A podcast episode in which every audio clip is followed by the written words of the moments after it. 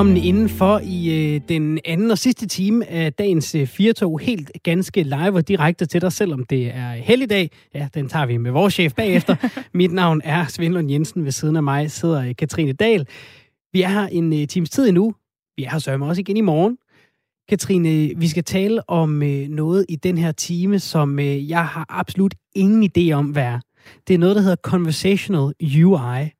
Og øh, det er vores gode kollega Simon, der har øh, gjort historien klar til os. Jeg har med vilje lavet værd med at læse fremad for at finde ud af, hvad det er, fordi jeg tror, det kommer der det bedste interview ud af, fordi øh, jeg er simpelthen nødt til at, at, at blive klog på, hvad er det, det er, og jeg tror, der vil være mange derude, der heller ikke ved, hvad det er. Jeg Så nu har lærer vi noget aldrig sammen. hørt om det før. Aldrig hørt om det. Men, Jeg, øh, jeg, og jeg lover, det bliver ikke bare, altså det bliver ikke 10 minutter dumme spørgsmål. Vi har en, en plan. Simon har selvfølgelig talt med, med Claus, som vi skal tale med, øh, med senere. Vi skal også tale om øh, en bog, der hedder Kvinde kendt din historie. Ja. Og øh, det er jo lidt interessant. Øh, Det er jo noget, der bliver, bliver mere populært. Jeg har en, øh, en datter også. At der, jeg kan se, at der er mange børnebøger, øh, som retter sig øh, til, ja, ikke nødvendigvis piger kun, men sådan noget øh, kvinder, der ændrede verdenshistorien. mm, Mm. mm. Øhm, og jeg kan godt mærke, når jeg ser sådan nogen nede i, i bogbutikken, så kan jeg godt, jeg kan godt blive grebet en lille bitte smule af, mm, hvorfor skal vi nu for, forskelsbehandle? Hvorfor skal vi fremhæve den ene foran den anden? Jeg kunne forestille mig, det kan jo være, at øh, Gry Jeksen, vi skal tale med øh, senere, hun kan sige lidt om det, at det måske er fordi, det i mange år bare har været mændene, der har haft monopol på at fortælle historien, og så var det lidt mændene, der var hovedrolleindhæverne. Jeg tror i hvert fald, hun har en idé om, at, at historien ikke er objektiv, og at det i mange år har været mændene, som har besluttet, hvad der skulle være med Mm. i historien. Og hun har hun, hun startede ud med en Instagram-profil, og har i dag over 45.000 følgere på Hold da op. Instagram. Og så har hun så lavet en podcast, og nu er der så også kommet en bog, Yes. hvor hun ligesom prøver at føre kvinder ind i kvindernes historie i Danmarks historie. Vi skal også høre lidt om øh, madanmeldelser, hvor meget det øh, fylder, og øh, måske også hvor meget det burde fylde. Og så skal vi også tale om øh, det her interview, som øh, vores allesammens prins Joachim har givet til et øh, fransk magasin, hvor øh, han har sagt, at øh, det er en, øh, en lille smule svært, det der med at være øh, nummer to, og ikke rigtig have en klart defineret plads. Vi skal tale med øh, Lars Hovbakke Sørensen, der er Kongens Hus ekspert senere i, øh, i programmet. Så har vi også øh, talt om den her øh, pokalfinale. Vi har lige talt med, øh, med Morten Brun, øh, fodboldkommentator og øh, tidligere pokalvinder fra, øh, da han spillede i, i Silkeborg. Han stod på øh, Aarhus Stadion og, og så pokalfinalen. Det står stadig 2-0 til Randers, øh, kan vi sige. Katrine, det er jo øh, Kristi Himmelfarts øh, ferie for de fleste. Mm. Vi sidder her, og det er vi rigtig glade for, hvis vores chef lytter med. Elsker det. Skal du lave noget spændende, øh, når du så øh, går hjem i morgen? Øhm, ja, vi, jeg har sammen med nogle venner tænkt, at vi skulle til Amsterdam i den her ferie, men, Ja. øh, men det satte corona ligesom en stopper for. Så i stedet for, så tager vi til øh, det charmerende Odense Ja, og ser, hvad det kan. Amsterdam moden til same, Ja, same. ja, det er lidt af et skift. Men, øhm, men der, er, altså, der skulle være nogle fede ting. Der er jo, jeg, jeg har jo et, øh, en svaghed for zoologisk have. Ja. Så det skal vi 100 procent. Det er en god zoologisk have. Jeg Ja. kan varmt anbefale den. Ja, tak. Jeg er så- vild med øh, sælerne. Talerne. Ja, Ja, Jamen, dem de er vil vi lige gå efter. Ja. Og så, øh, så er det jo der, H.C. Andersen også er fra. Og sådan. Der er jo masse klassik, klassiske mm. ting, man skal se, når man er i Odense. Så det, Mm. mm. det er nok det, weekenden kommer til at fyldes, fyldes med. Og nu ved jeg jo ikke, øh, hvorfor du skulle have været til Amsterdam, men jeg kan sige, øh, hvis Twister stadig ligger nede ved, øh, nede ved øh, tæt på øh, gågaden, så har de en fin vandpipe også. Der har jeg været Nå. mange gange i gymnasietiden. Det, det kunne jo være, at øh, så, så kan man lige bytte lidt ind og ud, og så bliver der Amsterdam også øh, på en måde det samme som, øh, som Odense. Husk, at øh, du kan skrive en sms ind til os på 1424. Du kan skrive R4 et øh, mellemrum, og øh, så din besked, hvis du får lyst til at øh, blande dig eller øh, kommentere på noget af det, vi øh, taler om her i programmet. Du kan også ringe 72 30 44 44. Vi er øh, i gang med øh, ja, dagens sidste time af, øh, af firtoget øh, her på øh, Kristi Himmelfartsdag, så øh, læn dig godt tilbage og øh, følg med.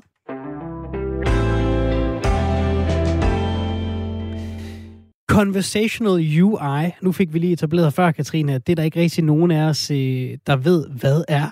Øhm, og det, er jo, det giver jo god bund øh, for en, en spændende snak lige om lidt med en, der har meget forstand på det. Øh, vi skal prøve at gøre, hvad vi kan for, at det ikke bliver øh, træls for øh, Claus Lillerup Rasmussen, vi skal tale med om lidt. Han har nemlig skrevet en artikel på øh, K-Forum, hvor øh, der står, det vigtigste for alle mennesker er at blive set, hørt og forstået. Vi vil høres af vores venner, anerkendes af vores kolleger og ses af virksomheder. Det er det menneskelige behov, men med Conversational UI er der ikke længere behov for menneskelige modtagere. Claus Lilleov Rasmussen, strategisk designer, velkommen til programmet. Ja, tusind tak. Hej. Kan du forklare os, hvad Conversational UI er? Jamen, altså groft sagt, så er det egentlig bare en samtale, du har med en computer. Øhm, men paradigmeskiftet ligger i, at, at det er på vores betingelser nu, modsat computerens betingelser, som det har været før i tiden. Hvordan det? Altså, hvor jeg har siddet, jamen, hvor jeg har siddet og i start 90'erne bokset med sådan en DOS-prop, for eksempel. Det tror jeg, der er mange, sådan, øh, sådan, i hvert fald på den mandlige side, nørder, der har siddet og prøvet at få den til at forstå, hvad det er, man gerne vil sige. Så i højere grad nu, så forstår computeren, hvad det er, man gerne vil sige. Så den, den lægger sig om på den anden side og siger, hvad kan jeg gøre for dig? I stedet for at sige, du skal tage det her ind, for at jeg kan hjælpe dig med noget som helst. Kan det mene? Ja. Hvilke muligheder er der i, i det her conversational UI? Altså, hvad kan vi bruge det til? Øhm, jamen altså, forestil dig, at du kommer ind på borgerservice for eksempel, og den, og den første, den gør det, er, at den spørger, hvad kan jeg hjælpe med? Og den, øh, den guider dig hen til det, du skal, i stedet for, at du skal igennem en eller anden form for hierarki, som en eller anden har sat op, og du skal gætte dig frem til, hvordan logikken er bag. Så, så vender man det faktisk, og man vender den der hjemmeside om og siger, her, her er alle mulighederne, vi, vi prøver bare at hjælpe dig. Øh, så man kunne også forestille sig en DSB-app, for eksempel, noget andet, der siger, hvor skal du hen? Øh, det her koster det, og så videre. Altså, så den i virkeligheden er langt mere proaktiv i forhold til dine behov. Mm. Og det giver også en meget mere sådan, menneskelig følelse. Og på sigt, og det, og det foregår allerede nu, men mere på sådan amerikanske hjemmesider, så kan du faktisk ikke mærke forskel, om det er et menneske eller en maskine, du snakker med. Og, og hvis vi skal kigge på Danmark, hvor, hvor er det bedste eksempel på, på noget i den her stil, vi har allerede? Jamen, øh, det, altså, du sidder faktisk med den i hånden. Øh, altså, din, din Siri eller din Google Assist er ja. faktisk en conversational UI. Hmm. Okay. Øhm, ja. øh, derudover så Starbucks gør det faktisk meget godt også. Øh, Messenger har masser af conversational UI's hvor det er chatbots, der du chatter med øh, sammen med maskine, eller sammen med en eller anden virksomhed. Øh, CNN gør det fantastisk. Det lyder godt det amerikanske sider, men, men på grund af, at vi er så lille sprogområde i Danmark, så er det stadig svært for computere at regne helt præcis ud, hvad det er, man gerne vil på dansk. Og det tror jeg også, man oplever på Siri for eksempel, at den har det, den har det nogle gange lidt svært med helt at forstå, hvad det er, man vil. Ikke? Og, og prøv lige at forklare os, øh, øh, Claus, øh, øh oven på sådan et år, hvor vi alle sammen har været rigtig trætte af at sidde og, og snakke med hinanden over Zoom, og gerne snart vil ud og have noget menneskelig kontakt. Hvorfor er det, at vi gerne vil have computere, der bare virker lidt mere, som om vi taler med mennesker? Altså, hvad, hvad, er, det, vi, hvad er det, vi skal have ud af det? Altså, dels så løser det nogle helt basale problemer. Altså, vi har, vi har over en million borgere i dag, som ikke kan interagere med det offentlige system. Altså, det er et kæmpe problem. Og det er noget af det, vi kan løse med det her. Det er at sætte en menneskelig kontakt på. Altså, der er ordblinde, der er synshandicappede, der er alle mulige former for, og, og folk, der jo så heller ikke taler specielt godt dansk, som har kæmpe problemer med at øh, interagere med det offentlige Danmark. Og der, der, det er et oplagt sted at sætte ind. Mm, men nu siger du, det er en menneskelig kontakt, man sætter på. Er det ikke en... Altså, det er vel den her UI, man sætter på? Fuldstændig, men du kan ikke mærke forskel. Altså, når det bliver gjort godt, kan du ikke mærke forskel. Jeg synes jo bare, det lyder lidt uhyggeligt. Jeg ved godt, det er det, man altid yeah. siger, at, at det er sådan noget iRobot-agtigt, men det er det første, jeg har lyst til at tænke og sige. Det lyder lidt uhyggeligt. Ja, ja. ja. Øh, men det kan man godt sige, det gør. Og det er jo også den vej, vi, vi bevæger os stille og roligt. Øh, men hvis du ikke kan mærke forskel, altså man har også set sådan nogle sjove optagelser af to chatbots, der snakker med hinanden, og faktisk bruger kalender hos den person, de nu er ejet af, og sådan noget. Øh, på den måde, så bliver der mindre og mindre behov for den del af det. Men du vil opleve det som menneskelig kontakt, og alt andet lige, at det er jo bedre, end at du skal igennem en eller anden hjemmeside, hvor du slet ikke har noget, og ligesom skal læse dig til alle mulige ting, som du alligevel ikke har en anelse om, hvad det betyder. Mm. Hvad er der af udfordringer forbundet med, med det her conversational UI? Øh, jamen, dels så er der jo noget, altså der er noget personlighed i det, som, fordi du afgiver en del af din personlighed for at få en mere personlig oplevelse. Så der er nogen, der tracker dig i højere grad. Og det er jo altså det, der er en masse snak om i øjeblikket.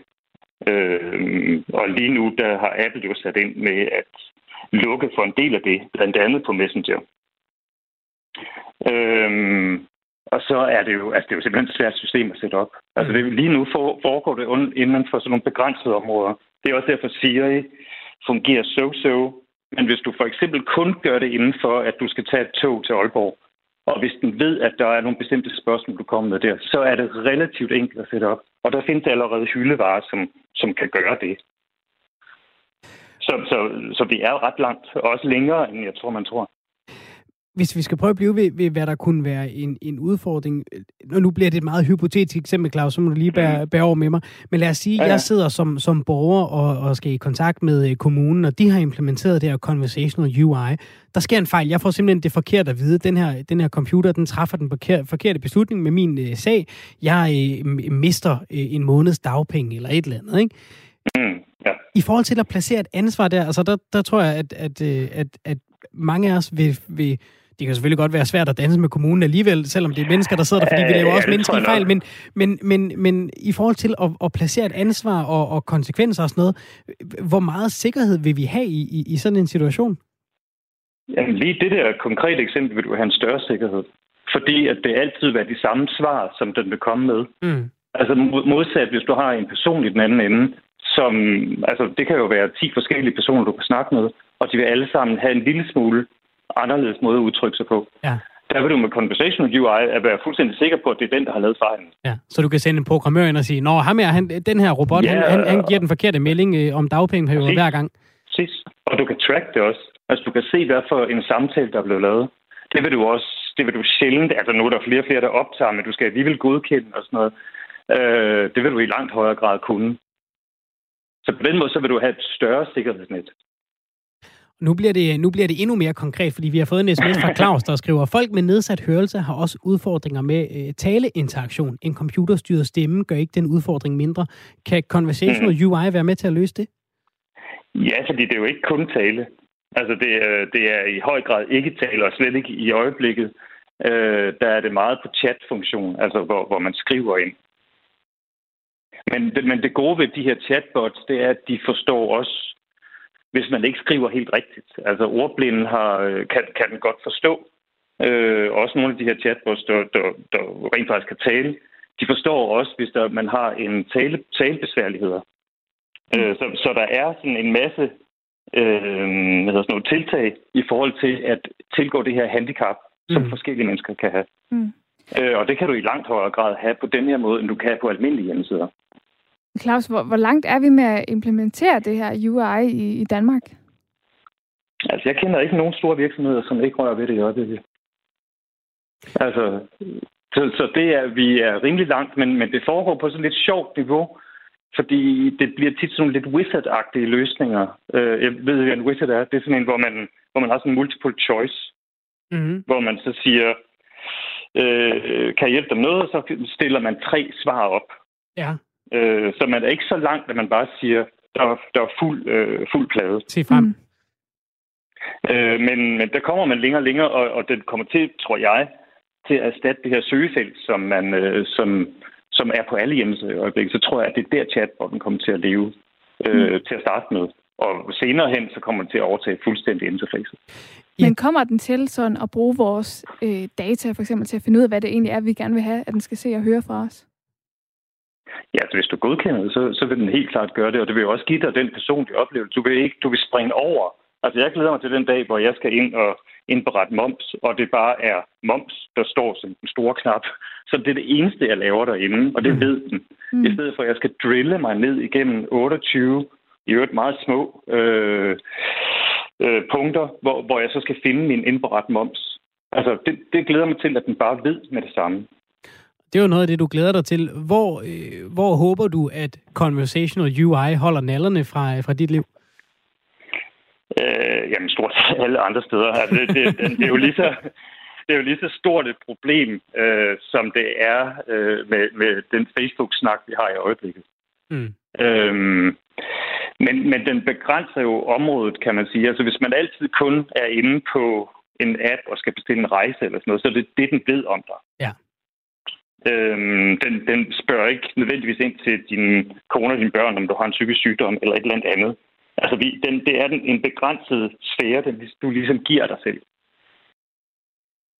Claus Lille Rasmussen, strategisk designer. Tusind tak for at gøre os rigtig, rigtig meget øh, klogere på Conversational UI, end vi var for bare 10 minutter siden. Tusind tak. Men det var så lidt. Så kan vi jo snakkes videre om nogle år, når, når Conversational UI har overtaget det hele. Jeg glæder mig. Vi snakkes. Vi snakkes, og uh, så er der jo styr på uh, momsregnskaberne til, uh, til den tid også.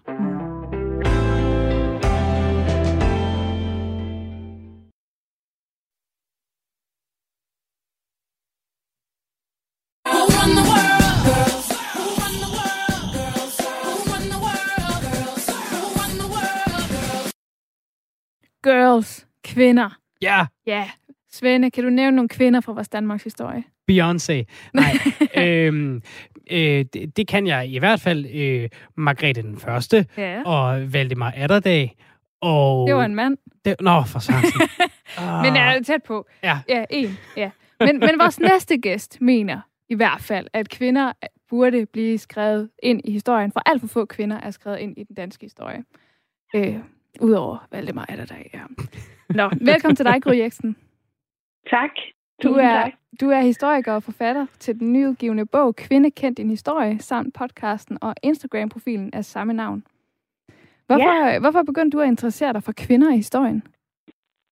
Jeg er uddannet historiker, og det er ikke nogen hemmelighed, at jeg brænder virkelig meget for mit fag. Men da jeg var stod med mit øh, uddannelsescertifikat i hånden og kunne kalde mig kant mag, så gik det efterhånden op for mig, at jeg manglede en kæmpe dimension. Jeg manglede simpelthen øh, kvinderne i historien, og derfor så besluttede jeg mig ret hurtigt for, at det skulle jeg læse op på.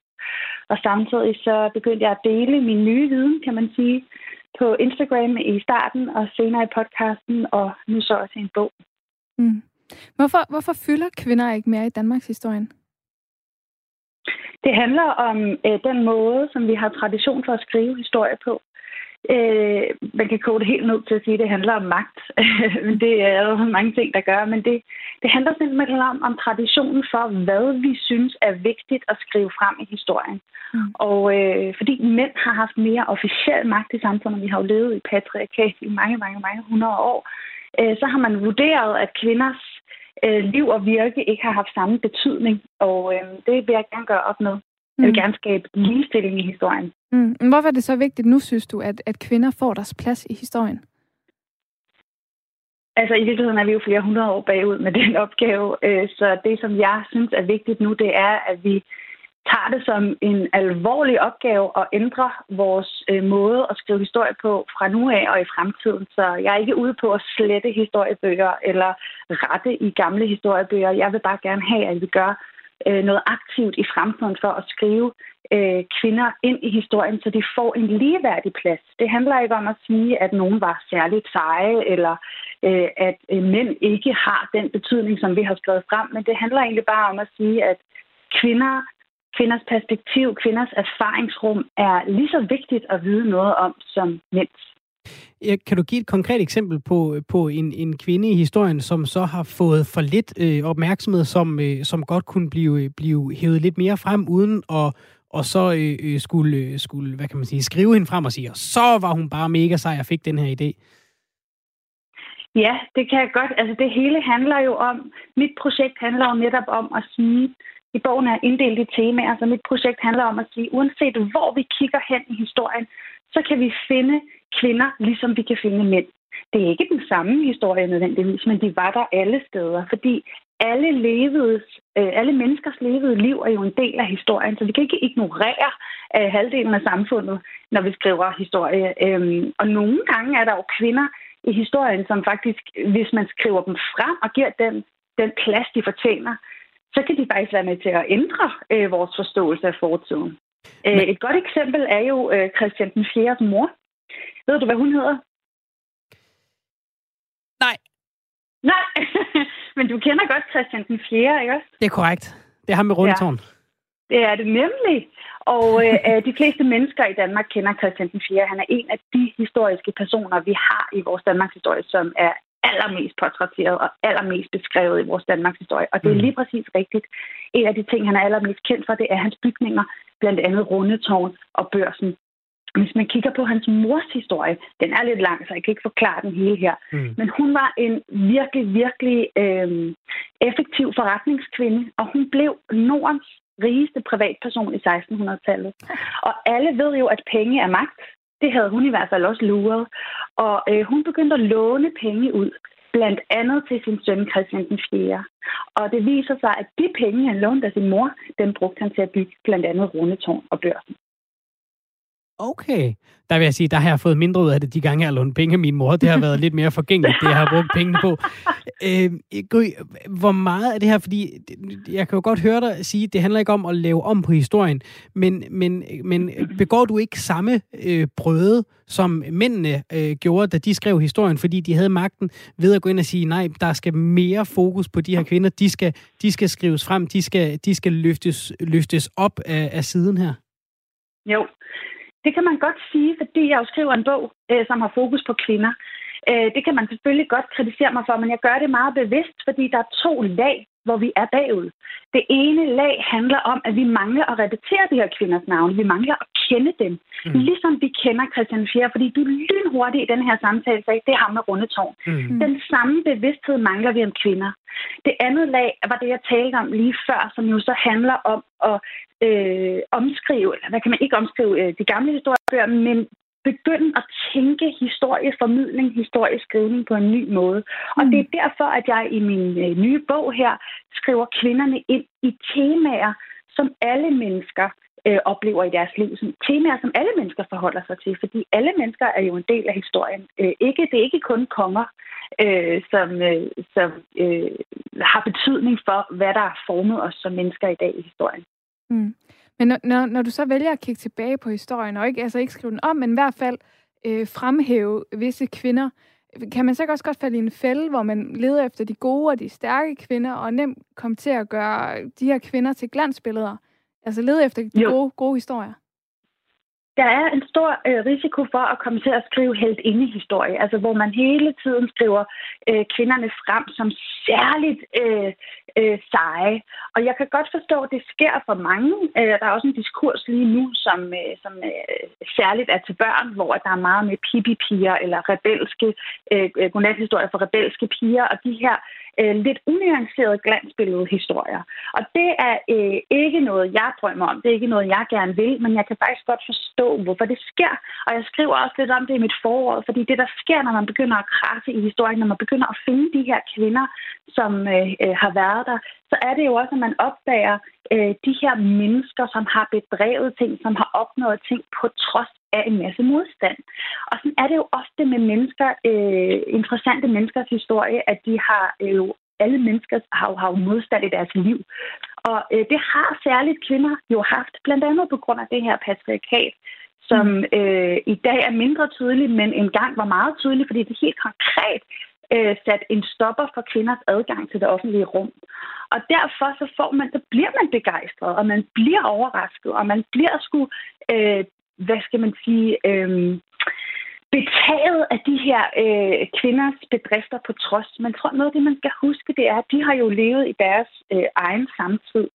Og øh, mange, meget af det modstand, de har haft, og de jo var opvokset med, så de har ikke nødvendigvis set sig selv som helt store helt inder, men de har bare gået efter deres måske kunstneriske ambitioner, eller politiske ambitioner, eller øh, arbejdsmæssige ambitioner.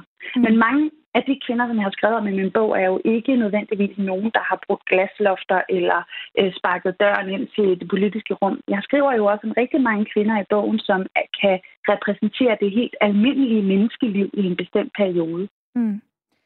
Den måde, den måde, vi ser historien på, er jo også mærket den tid, vi er i. Og den tid, vi er i lige nu, er jo fyldt med repræsentation og ligestilling og feminisme. Altså har man, har man tidligere i historien også forsøgt at få kvinderne ind i historien, ligesom du gør nu? Ja, det kan du tro. Og jeg står på skuldrene af så mange mennesker, der har knoklet med det her i mange, mange årtier. Øh, så jeg er bestemt ikke den første, der i tale sætter det her. Øh, jeg tror, at vi er lige nu har vi en åbenhed for den her diskussion i vores samfund på alle mulige planer. Og det har der været igennem tiden flere eksempler på, når vi taler om kampen for ligestilling på alle mulige planer i vores samfund.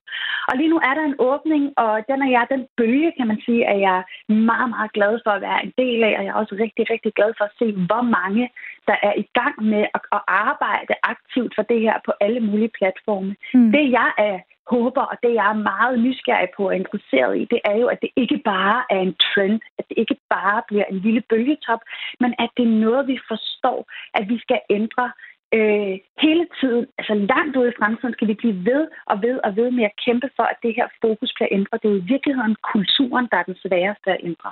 Ja, kan du, kan du komme med nogle eksempler i historien, hvor at, at kvinderne har øh, fået kvinderne frem? Ja, det kan jeg sagtens. Altså, hvis man kigger på kvindekampshistorien, eller ligestilling, kampen for ligestilling igennem historien, hvis vi tager de sidste cirka 150-200 år tilbage til, hvor vi fik demokrati i Danmark i 18, midten af 1800-tallet, så begyndte de første aktive kvindekampe, kan man sige. Den første var øh, kvinderne, der kæmpede for at komme ind på uddannelser, altså adgang til uddannelser. Øh, og øh, den næste var den næste store bølgetop var øh, kvinders øh, kampen for kvinders stemmeret. Og øh, når jeg kigger på det, så kan jeg ligesom se, at det starter tit med noget debat, og så kommer der gerne en bølgetop med en konkret lovændring. Øh, for eksempel med kvinders stemmeret, som var debatteret i mange år, før vi fik du ved, rammen, den lovgivende ramme som stadsfæstet, nu har øh, kvinder den samme officielle ret til at stemme. Det jeg så kan se, det er, at så går der gerne øh, en 50-60 år, hvor det stille og roligt går ned ad bakke med fokus på det her. Og når vi ikke bevarer fokus på ligestilling, så er vi altså så mærket af øh, nogle kulturelle mekanismer, nogle historiske mekanismer, der gør, at vi falder tilbage i nogle gamle mønstre det, man for eksempel så med stemmeretten, det var en enorm aktivitet omkring øh, 1915 og årene frem. Og så stille og roligt, så begyndte kvinder at være mindre synlige i det politiske rum. Øh, antallet af kvinder i Folketinget faldt drastisk, og indtil der var nogle kvinder øh, og mænd, der igen i 1940'erne øh, kom frem og sagde, hov, øh, hvis vi ikke hele tiden er opmærksom på det her, så falder vi tilbage i de gamle mønstre. Vi skal i, i hele tiden tale til det, vi skal hele tiden i gåsøjne kæmpe for det, fordi at vi er virkelig, virkelig mærket af en kultur, hvor at vi har øh, det er jo diskurser for, hvordan man er som menneske. Øh, så, så det, det handler ikke om at være vaks. Øh, og jeg håber, at at det her, det er, at jeg kan være med til at give det budskab, at det her, det er altså alles opgave. Det er ikke bare øh, min opgave eller andre, der arbejder med historie. Det er alles opgave at, at løfte det her. Og du øh, løfter din del altså med, med bogen Kvinde kendt i en historie, Gry Jeksen, øh, historiker, altså forfatter. Må jeg lige spørge dig her til sidst, for lige at vende tilbage til de der, øh, som du, som du sagde det, altså heldekvad, der bliver, der bliver brygget over kvinder, øh, i, i hvert fald øh, delvist øh, øh, i, i nogle af de her nye bevægelser. Hvis jeg lige må spørge lidt ind til det, fordi vi har jo også set masser af eksempler på, på i, i verdenshistorien, hvor vi har haft en, øh, en mand, som vi har holdt op i høj agtelse, og så viste det sig, at han var øh, bravende racist, nazist, et eller andet øh, havde en masse øh, dårlige øh, øh agerende ageren og, og, og holdninger øh, bag sig, risikerer vi også øh, ved at, at hæve nogle kvinder frem, og, og så engang imellem lukke øjnene for det, altså begå den samme fejl bare i nutiden, og så hæve dem frem, kun fordi de er kvinder? Det, det, er, det er der en risiko for, for, det giver dig helt ret i, og jeg går ikke, altså jeg går op i, at vi skal lære af historien, og når jeg fremhæver nogens personlige historie, så, gør jeg, så passer jeg meget på, at det ikke bliver et glansbillede. Og jeg mm. synes faktisk, det er enormt interessant det her, men man kan sagtens som menneske i en tid være enormt progressiv på et punkt, Mm. Og så når vi andre kigger på det med vores øh, med bagklogskabens lys, så kan vi jo analysere øh, på personerne af deres liv og sige, gud, jamen, men hvorfor gik hun ind for øh, retten til prævention, men ikke til fri abort. Hvad mm. var det, der gjorde, at, at hun ikke havde det udsyn? Fordi man kan jo ikke være progressiv på alle måder. Man er jo selv mærket af sin egen tid. Mm. Så det, det er helt vildt opmærksom på. Så det er mm. bestemt ikke sådan en... Øhm, det er ikke en kampbog, jeg har skrevet. Det har aldrig været et kampprojekt, det jeg har. Det, der er min kamp, det er en faglig kamp, der handler om, at vi skal øh, skabe ligestilling i historien. Vi skal sørge for at have så mange nuancer med, vi overhovedet kan, når vi skriver historie. Fordi det er jo virkelig det, vi gerne vil. Vi vil jo gerne bruge vores historie aktivt til at forstå os selv vores nutid og skabe en bedre fremtid. Og hvis vi skal det, så skal vi jo sørge for at nuancere den så meget som muligt. Det bliver det sidste ord for dig. Tak fordi du var med, Gry Eriksen. Tusind tak, fordi jeg måtte komme. Du er historiker og forfatter til Kvinde kendt en historie, samt podcasten og Instagram, Instagram-profilen af samme navn. Du lytter til øh, på Radio 4 øh, her på øh, Kristi Himmelfarts øh, torsdag. Katrine, når du skal ud og spise, og ikke bare sådan oh, hurtig frokost, når du skal ud og spise, du ved, sæt dig ned, godt til rette, måske lige et pænt tøj og coronapas med i baglommen. Hvordan finder du så ud af, hvor du skal hen? Jeg plejer faktisk så altid lige at, gå, altså lige kigge på de forskellige restauranter i nærhedens menukort, ja. for at se, hvad der er. Øh, fordi jeg ved, at jeg, jeg, altså, hvis der er mulighed for pommes, vil jeg gerne have pommes. Okay. yes. og, og ellers, hvis der er sådan banæs eller noget estragon, jeg er virkelig glad for estragon, så er det også en af de ting, jeg går efter. Okay, ja. men der kan jo sagtens stå øh, pommes på et menukort, øh, uden at det er gode pommes. Øh, finder du en anmeldelse, eller, eller går du efter øh, øh, sådan det gode ord fra øh, venner og bekendte? Hvordan finder du ud af, det, det er der, jeg skal hen. Der ja, det er har rigtigt, den gode altså, Mayo. Venner især, deres anmeldelse var jeg altid tung. Men derudover, så når man altså, søger ind på Google eller sådan, mm. så står, er der altid lige nogle stjerner, som lige viser, hvor meget det, det her sted det, det er blevet givet, eller blevet, blevet rated. Mm. Ja. Vi øh, vil nemlig gerne spille et klip fra i morges, hvor øh, vores kollega Dagmar Eben Østergaard her på øh, Radio 4 Morgen interviewede Anthony Akonis, hvor øh, de talte om, øh, at, øh, mad, at madanmelderens magt er større i dag end øh, nogensinde før. Det lød sådan her. Og nu kan jeg sige godmorgen til dig, Anthony Akoni. Godmorgen. Godmorgen, den kreative direktør i brandingbyrået Fireball. Og du har altså beskæftiget dig øh, meget med mad, trends og øh, forbrugere. Og så har du desuden været i madkulturens bestyrelse i 10 år. Anthony Akonis, hvor meget betyder en god anmeldelse for en restaurant oven på det her ganske pressede år i restaurationsbranchen, hvor der har været en masse nedlukninger? Man kan sige, at øh, gode anmeldelser betyder sådan set altid noget for restauranter. Øh, det driver øh, på alle mulige måder opmærksomhed og trafik. De fleste restauranter kan se markante hvad skal man sige, stigninger i bookinger, når de, får, når de får en god anmeldelse. Så det er klart, i år, hvor at, at restaurationsbranchen har været særligt presset, og restauranterne er helt lukket ned, så betyder selvfølgelig de gode anmeldelser og de gode grunde til at besøge en restaurant mere, end, end de nogensinde har gjort før har de, altså, så, så betydningen af de her madanmeldelser er sådan set vokset, siger du nu? Jeg tror i hvert fald, at, at lige nu, altså, øh, man skal sige, altså som danskere, øh, så har vi jo ikke, vi har ikke været ude at spise i et år, øh, og du ved, vores ude at spise konto, den, den, den buner. Og jeg tror, at øh, altså, når jeg har spurgt øh, i mit eget vennelag, så, så er det ligesom den ting, en ting er at komme ud og rejse, men, men folk savner simpelthen at komme ud og spise, se andre mennesker og være tæt på andre mennesker og have en oplevelse. Vi har spist rigtig, rigtig meget hjemme, og, øh, og derfor tror jeg, at, at, at vi mere, øh, altså at vi i særdeleshed lige nu øh, vælger med omhu, hvor vi skal ud og spise henne, fordi nu skal vi altså bare have nogle, nogle rigtig gode oplevelser, og så betyder anmeldelserne ret meget. Men vi vil ikke alligevel gå ud og spise hvor som helst, bare fordi vi gerne vil ud i de her dage, som du også siger? Ja, men jeg, jeg, jeg synes, det er interessant at se, at, at, at uh, hvor der er nogle restauranter, der klager, og, og der var skrevet meget om, at øh, ja, det føles ikke som om, at at, at folk du ved, som er, er tilbage i vanen med at gå ud og spise, og det er ikke det samme som før, hvor at andre restauranter simpelthen øh, bare kan melde udsolgt øh, de næste mange måneder frem. Så jeg tror, jeg tror på en eller anden måde, lige nu er der sådan en bevidsthed om, at hvis vi skal ud og spise, så skal det, så skal det være godt. Altså det lidt tilfældigt valgte måltid, den lidt tilfældigt valgte oplevelse, den parkerer vi. Uh, vi vil bare være sikre på, at, at når vi nu skal ud for første gang i så lang tid, øh, så, så skal det bare være godt. Har du også været ude at spise godt på det seneste som? Ja, det har jeg. det har jeg bestemt. Øh, nu er jeg sådan lidt skadet, fordi jeg, jeg er gift ind i det. Jeg er gift med en kok. Øh, ja. så, så, så vi har en lidt anden tilgang til det, men, men, men bestemt. Øh, vi, jeg, har, jeg har været ude at spise, og, og, og det var egentlig slående, øh, hvor, hvor, hvor, hvor mange mennesker, der har, var, var ude, og hvor glade folk er, og Altså, du, det, det, det har virkelig været sådan et afsavn. Øh, men det har også været slående for mig, at, at, at jeg kan mærke, at at altså det, det, det er virkelig de restauranter, som, som står som sådan lysende stjerner på restauranthimlen, der, der har travlt. Ikke?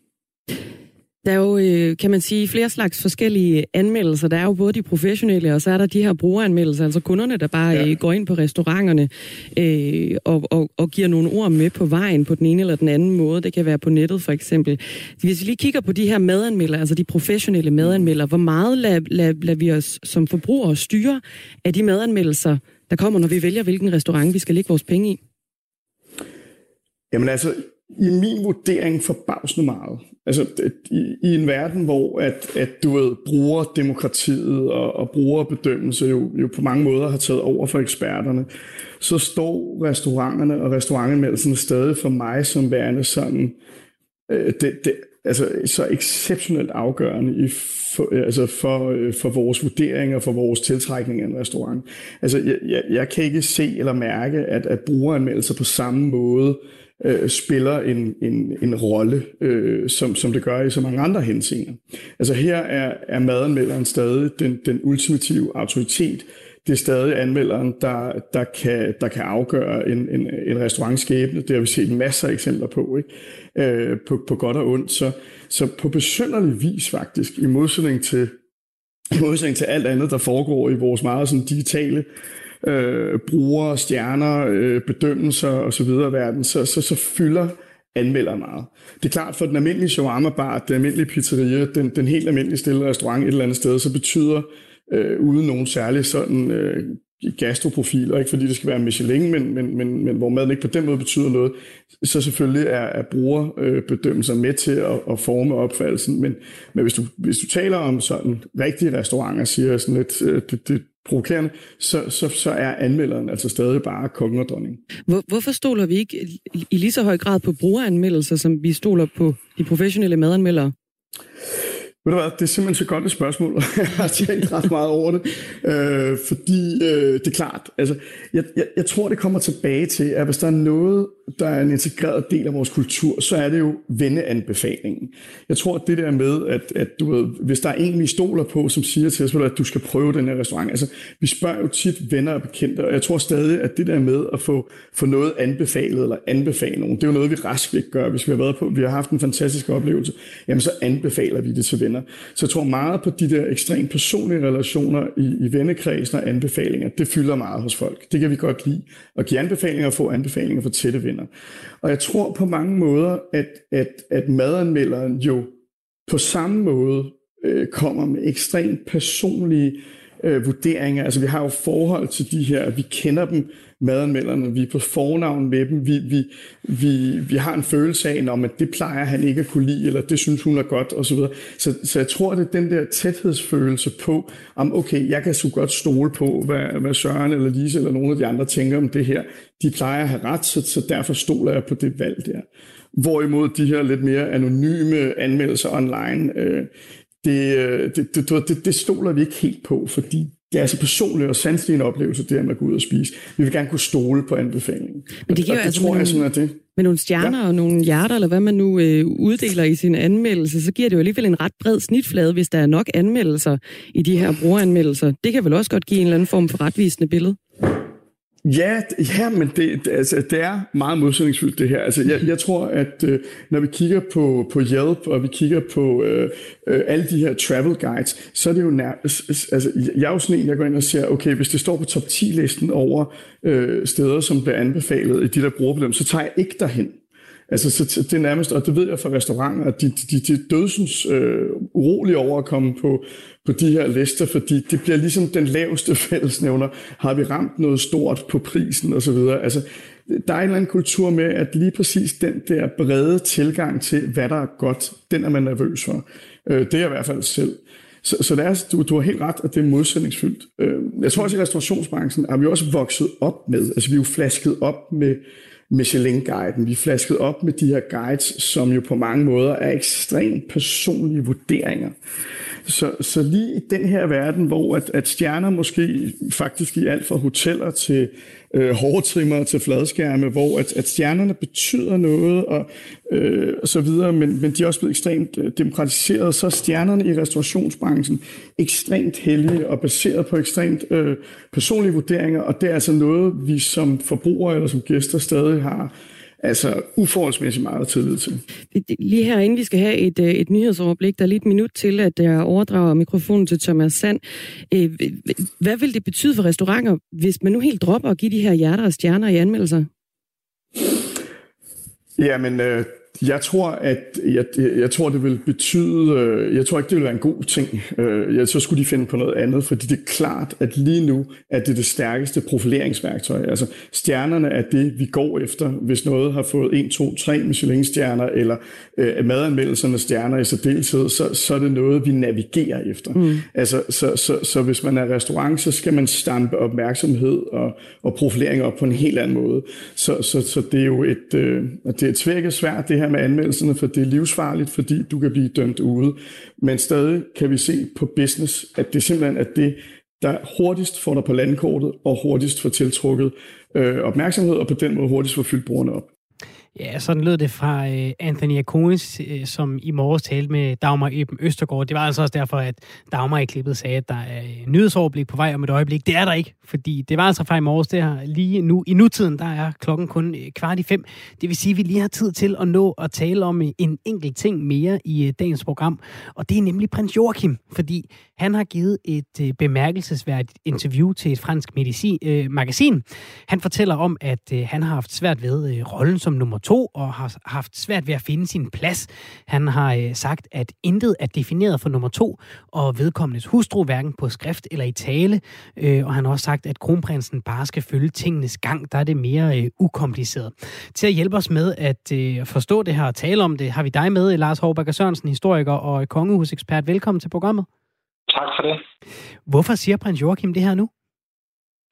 Jamen det gør han øh, nok, fordi han har været frustreret over, at der i den, de senere år har været noget kritik af, af ham og hans øh, del af familien, øh, blandt nogen i hvert fald i pressen og blandt nogen, nogen med mennesker i Danmark. Og øh, han føler måske et behov for at, at komme med, med de her ting for ligesom at forklare, hvorfor han, øh, så vidt han, han øh, vurderer det, øh, er i en vanskeligere situation end, end sin storebror, kronprins Frederik og hans, hans familie. Tror du, det er noget, han har et mål med at sige nu, eller er der lidt råd en finke af panden, hvor han kom lige til at være, være øh, en smule for ærlig i øjeblikket? Jamen, jeg tror, at øh, man skal se det i sammenhæng med den generelle udvikling, der sker i Danmark og i resten af øh, Europa i øjeblikket med hensyn til de europæiske kongehuse. Nemlig en udvikling i retning af, som ja, startede i virkeligheden med finanskrisen i 2008, men som bare blev, blevet mere og mere øh, øh, tydelig at øh, man har en befolkning i de forskellige lande, som stiller større og større krav til de kongelige om, at de skal arbejde for pengene for deres apanage. De skal konkret udføre en masse forskellige opgaver, øh, og ellers vil man ikke betale til dem. Det er sådan noget, der kom ind, som sagt, med finanskrisen i 2008, og er blevet en forstærket tendens, fordi der var mange danskere og andre europæere, der fik øh, nogle store økonomiske problemer selv på det tidspunkt. Og nu er det jo så blevet forstærket af den fornyede økonomiske krise i, kølvandet af, af corona. Så man holder meget mere øje med den enkelte kongelige, med hans og hendes kalender. Hvad foretager de sig? Hvordan, hvilke arbejdsopgaver har de? Synes man, at øh, de arbejder nok for penge osv. Meget mere, end man gjorde øh, før i tiden. Og det betyder så altså, at man har, at man har en mere presset situation for dem, der ikke har nogen åbenlyse arbejdsopgaver, som det jo er at være kronprins eller, eller den, der skal aftrone en dag. Ja, for han nævner jo også sin kone, altså prinsesse Marie. Der er jo også noget solidaritet eller loyalitet derover for ens ægtefælde, altså hvor, hvor det her måske også kommer lidt fra hende. Ja, øh, det, det gør det. Hun er jo, kan man sige, hun mærker det jo også, at, øh, at øh, der har været en kritik af, af prins Joachim og øh, af deres øh, del af familien. Og så kommer hun jo også fra en, øh, en, øh, en anden tradition, en anden kulturel og politisk tradition øh, fra Frankrig, hvor man måske er, er vant til også mere, at, at øh, man har lov til at udtale sig om forskellige ting. Hun har jo sådan lidt tendens til at udtale sig lidt mere øh, om nogle forskellige emner, end, øh, end øh, vi er vant til, at de kongelige gør øh, herhjemme. Altså blive en lille smule mere politisk måske, end, end vi er vant til herhjemmefra, og være lidt mere åbenmundet, end, end mange mennesker synes, de kongelige kan tillade sig at være. Så det er også i, i spændingsfeltet selvfølgelig mellem fransk og dansk øh, kongelig øh, kultur, at, at, at vi ser de her udtalelser. Det perspektiv skal det også ses. Og jeg kan jo næsten ikke øh, bede om en bedre overgang til det næste spørgsmål, fordi det var også noget af det, vi hørte øh, Joachims far, prins Henrik, sige. Altså, han havde det også svært med at være en, øh, en general uden en, en her. Øhm, Hvilke paralleller ser du øh, til, øh, til prins Henrik og det, han, øh, han øh, talte om øh, for nogle år siden? Jamen, der er den parallel, at, at når man ikke er nummer et, det vil sige dronning eller kronprins eller øh, for prins Christians vedkommende, den der på et tidspunkt skal, skal være de, øh, de to ting, øh, kronprins og senere øh, konge. Når man er en af de andre medlemmer af, et af de andre medlemmer af kongefamilien, så vil man altid i højere grad skulle definere sin rolle selv.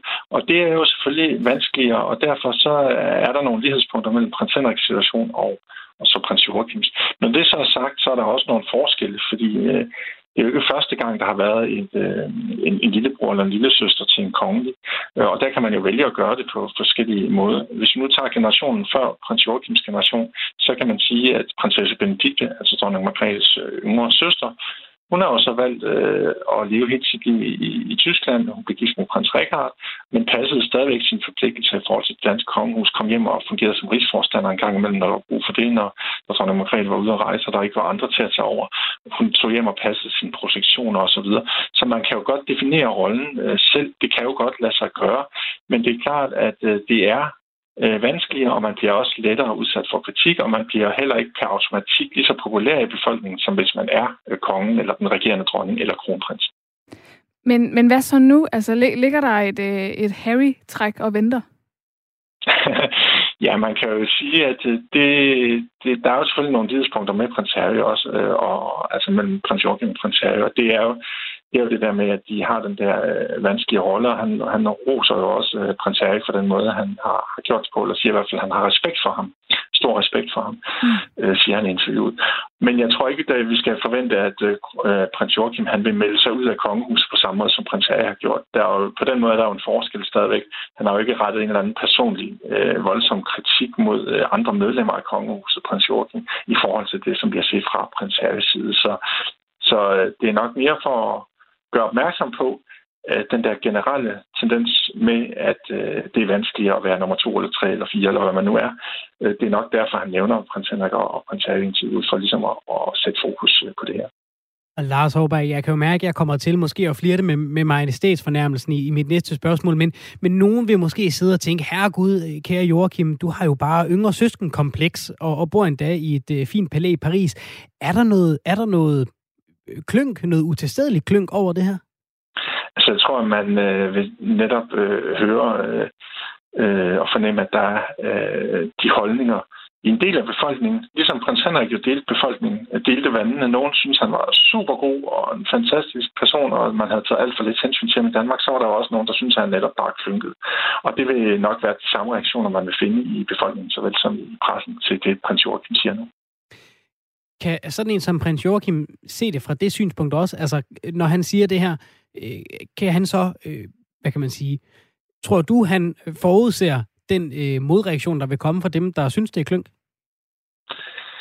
Det ved jeg ikke, om han gør. Det, det skal jeg ikke øh, gøre mig klog på, men jeg kan i hvert fald sige, at at, øh, det, at der er nok nogle generelle øh, tendenser i tiden, som, som gør, at man øh, som nummer to eller tre, eller hvad man nu er, længere nede i, i rækkerne, øh, måske kan komme til at føle et større behov for at sige de her ting, end man kunne for nogle år siden. Og der tror jeg som sagt, at det her med den anderledes økonomiske situation for hele samfundet, øh, både i Danmark og i alle de andre lande, der har kongehus, er, er, er noget af det, som, som gør, at som noget af det, som animerer øh, de her længere nede i rækkerne til at foretage sig nogle andre ting, end de traditionelt har gjort, når de har haft øh, den position, de har haft. Vi har set det i mange andre lande også, at der har været diskussioner om alt det her. Vi har også set det i Danmark i andre sammenhæng. Altså det her med, at folk øh, har nogle store forventninger til, at de kongelige skal gøre nogle bestemte ting, og ellers skal de ikke have nogen penge. Det er jo også derfor, kongehuset herhjemme har meldt ud, at, at dronning Margrethes øh, børnebørn er det kun prins Christian, man forventer, der skal have panage i fremtiden. Og tilsvarende i Sverige er nogle af medlemmerne af kongehuset jo nærmest direkte blevet skrevet ud af kongehuset af kongen selv, øh, fordi at øh, man frygter den her samme reaktion, som vi har set i nogle af de andre lande i befolkningen, med at man, man ikke vil betale til alle de her personer, som ikke har nogen klart definerede arbejdsopgaver og ikke lige så centrale opgaver, som, som kronprinser og kronprinsesser har rundt omkring. Mm. Men, men hvad, kan, hvad kan prins Joachim gøre for at bryde ud af den her anden position? Altså har han nogle muligheder? Jamen det er jo det, der netop er det vanskelige, men der må man jo så øh, som kongelig prøve at definere sin rolle på den måde, man nu øh, bedst kan. Og det er klart, at øh, der var umiddelbart, øh, det lå lidt i kortene, da han øh, fik Schackenborg øh, øh, slot i Sønderjylland i sin tid som barn, da han fik at vide, at han skulle, skulle overtage det, øh, at øh, der var der en mulighed for, at han ligesom kunne profilere sig som den jyske prins, som den prins, der ikke bare sad over i København på de fine slotte, men som øh, havde landbruget som sit specialområde og havde, havde øh, i hele taget den der kontakt til provinsen, til områderne uden for København i Danmark. Og det, jo, det gik, jo, gik jo lidt i vasten, da de så valgte at, opgive øh, Schackenborg øh, som, som, som hovedprojektet i den gren af familien. Og der har det jo så siden været lidt vanskeligt at finde noget, hvor man ligesom kunne adskille sig nok fra kronprinsparet i forhold til, hvad man, hvad man øh, foretager sig. Øh, Øh, han har jo stadigvæk en masse protektioner, som øh, netop knyder sig til, til, øh, til øh, provinsen. Men, øh, men har jo ikke rigtig indtil nu, øh, indtil for nylig i hvert fald, haft en eller anden helt særlig øh, hovedinteresse, en eller anden mærkesag, som han har gjort noget, noget helt specielt for. Her kan man jo sige, at det her nye job, han har fået med at være øh, være repræsentant for, for Danmark i, i Paris, og altså forsvarsassocieret tidligere også øh, har, har haft øh, de her kontakter til højstående militær øh, øh, kredse i, i Paris og i andre steder i udlandet, jamen det er jo noget af det, som er et udtryk for, at han er ved at opbygge måske den her profil som, som den her øh, internationalt og udenrigspolitisk og, og militært orienteret og interesseret øh, prins. Og det er måske den vej, han, øh, han skal satse på at gå. Øh, øh, kunne det i hvert fald være i forhold til at opbygge et eller andet særligt, hvor han har en anderledes profil end, øh, end kronprinsen. Fordi det er jo det, han skal, skal finde, hvis han skal øh, ligesom øh, kunne slå sig fast som en, der har en, øh, en stor berettigelse og en stor opbakning i befolkningen, også i fremtiden. Helt kort her til sidst, øh, Lars Håbakker. Det er helt kort. Vi har kun lige et minuts tid tilbage. Jeg har siddet som, som barn og forestillet mig, at jeg vil gerne være prins. Øh, der er mange, der, som, som måske har tænkt, at de gerne vil være prinsesser også. Og så har man tænkt alligevel, ah, der er lidt for mange regler, lidt for lidt benplads. Og jeg synes alligevel her, der hører vi lidt Joachim sige øh, som prins, jeg vil gerne have haft lidt flere rammer, lidt mere sådan, bum, det er sådan her, det er. Kan du forstå ham? Ja, på en måde kan man jo godt, altså det er jo, og på en måde kan man ikke. Altså det, det, det er sådan op til den enkelte at vurdere. Det skal ikke gøre mig klog på, om, om, om, om det er godt eller skidt, det han, mm. han, han foretager sig. Men, men der er jo de der to modargumenter. På den ene side kan alle jo se, at han er meget mere privilegeret end de fleste andre, og det kunne så få nogen til at tænke, at han skal i hvert fald ikke klynke. På den anden side, så er det jo også, øh, selvom det kan lyde mærkeligt, når man er så privilegeret, så er han jo også i en mere vanskelig balancegang, end når man har de der øh, end de der fastlagte opgaver, som man har som kronprins. Så på den måde er det jo ikke så, så overraskende, at han øh, måske føler et behov for at påpege det netop i sådan nogle sider, hvor der kommer mere og mere diskussion om, om øh, de kongelige øh, rolle og placering på grund af blandt andet øh, den økonomiske udvikling.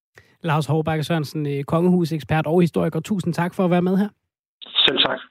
Og der er kommet en sms. Det er vel ikke klønk fra prins Joachim. Han må da gerne udtale sig. Han tilsviner da ikke kongehuset, som prins Harry og øh, konen gjorde det. Det må man jo give lytteren ret i, at Joachim holder det jo mm. meget på sig selv. Altså, han, han, der er jo ikke nogen svirper til hverken øh, mor eller, eller befolkningen på, øh, på den måde. Men mere bare sådan, som det er. Vi er ved vejs ende af dagens program med Katrine. Det har været en øh, fornøjelse. Så stor en fornøjelse, at jeg synes, vi skal gøre det igen i morgen. Vi gør det. Vi gør det igen i morgen. Ja. Det er øh, fra 15 øh, til 17 i morgen fredag naturligvis.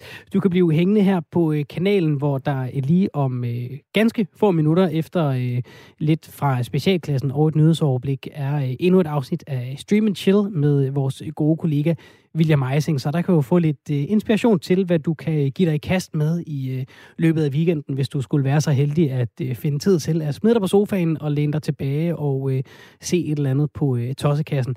Jeg glæder mig til på mandag. Jeg er begyndt at se en serie på HBO, der hedder Mayor of Easttown, som startede med at være rigtig god, og nu er ved at blive rigtig uhyggelig. Så jeg ved ikke mm. helt, om jeg tør med, men jeg må lige se at vurdere, om jeg, om jeg kan hive mod op på, på mandag. God, god torsdag aften. Lytter til Specialklassen.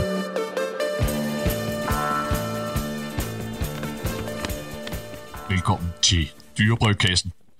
I dag der har jeg fået et brev fra spætten Hans Christian, og Hans Christian skriver. Kære dyrebrevkasse, jeg er en spætte fra Bornholm, som går og tumler med en rigtig møg situation. Efter et sammenstød med en rev sidste år, har jeg nogle rigtig ærgerlige eftervirkninger. Jeg har nemlig begyndt at døje noget så voldsomt med migræne. Hver gang, at jeg sætter næbet mod barken for at lede efter føde, så begynder hovedet at buller og dunke. Jeg får en voldsom kvalme, og det er i så høj grad, at det eneste, jeg kan overskue, er at sætte mig ind i en mørk fuglekasse og bare vente på, at det hele går over. Det er nu blevet så voldsomt for mig, at jeg nærmest ikke kan finde føde, og jeg er nede og vejer 115 gram, hvilket er ret lavt for en spætte. Hvad skal jeg stille op? Venlig hilsen, Hans Christian. Ak ja, sikke noget. Det, det lyder jo ikke rart. Jeg kan godt se, det er et problem, det med føden, men øh, har du måske ikke nogen, der kan hjælpe dig ved at bringe dig lidt mad, når du er i den situation? Øh, jeg personligt har selv døjet med migræne, så jeg ved, hvor hårdt det er. Så mit råd til mig, det må altså være at få hjælp fra nogle venner, der kommer med lidt mad til dig. For sagen er altså, når man først har fået sådan et ordentligt migræneanfald, så er der altså ikke andet at gøre, end bare at gå op og lægge sig, Hans Christian.